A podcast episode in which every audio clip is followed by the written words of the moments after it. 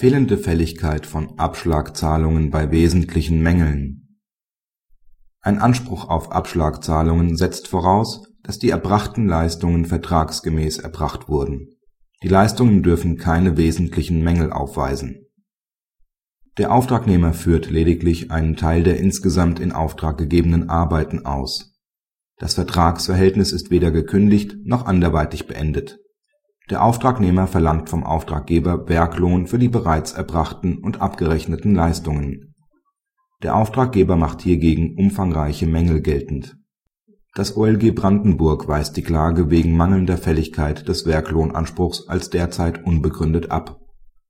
Da die Leistungen unstreitig nicht vollständig erbracht sind und das Vertragsverhältnis auch nicht beendet ist, sind die Rechnungen allenfalls als Abschlagsrechnungen anzusehen.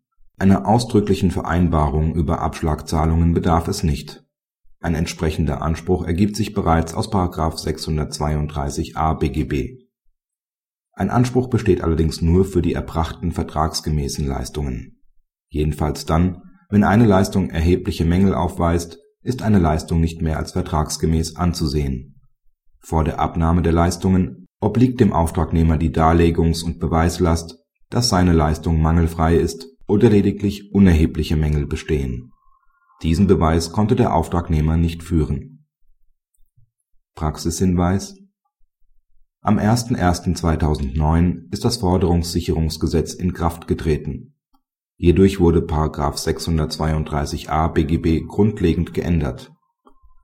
Der Auftragnehmer hat nunmehr einen Anspruch auf Abschlagzahlungen für jedweden Wertzuwachs, den der Auftraggeber erlangt, nicht mehr nur für in sich abgeschlossene Teile des Werks.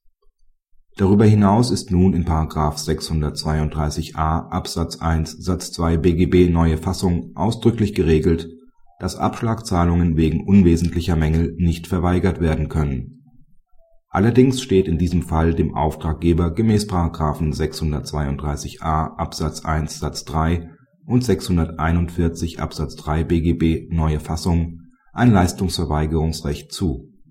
Der Auftraggeber kann hiernach in der Regel das Doppelte der für die Beseitigung erforderlichen Kosten einbehalten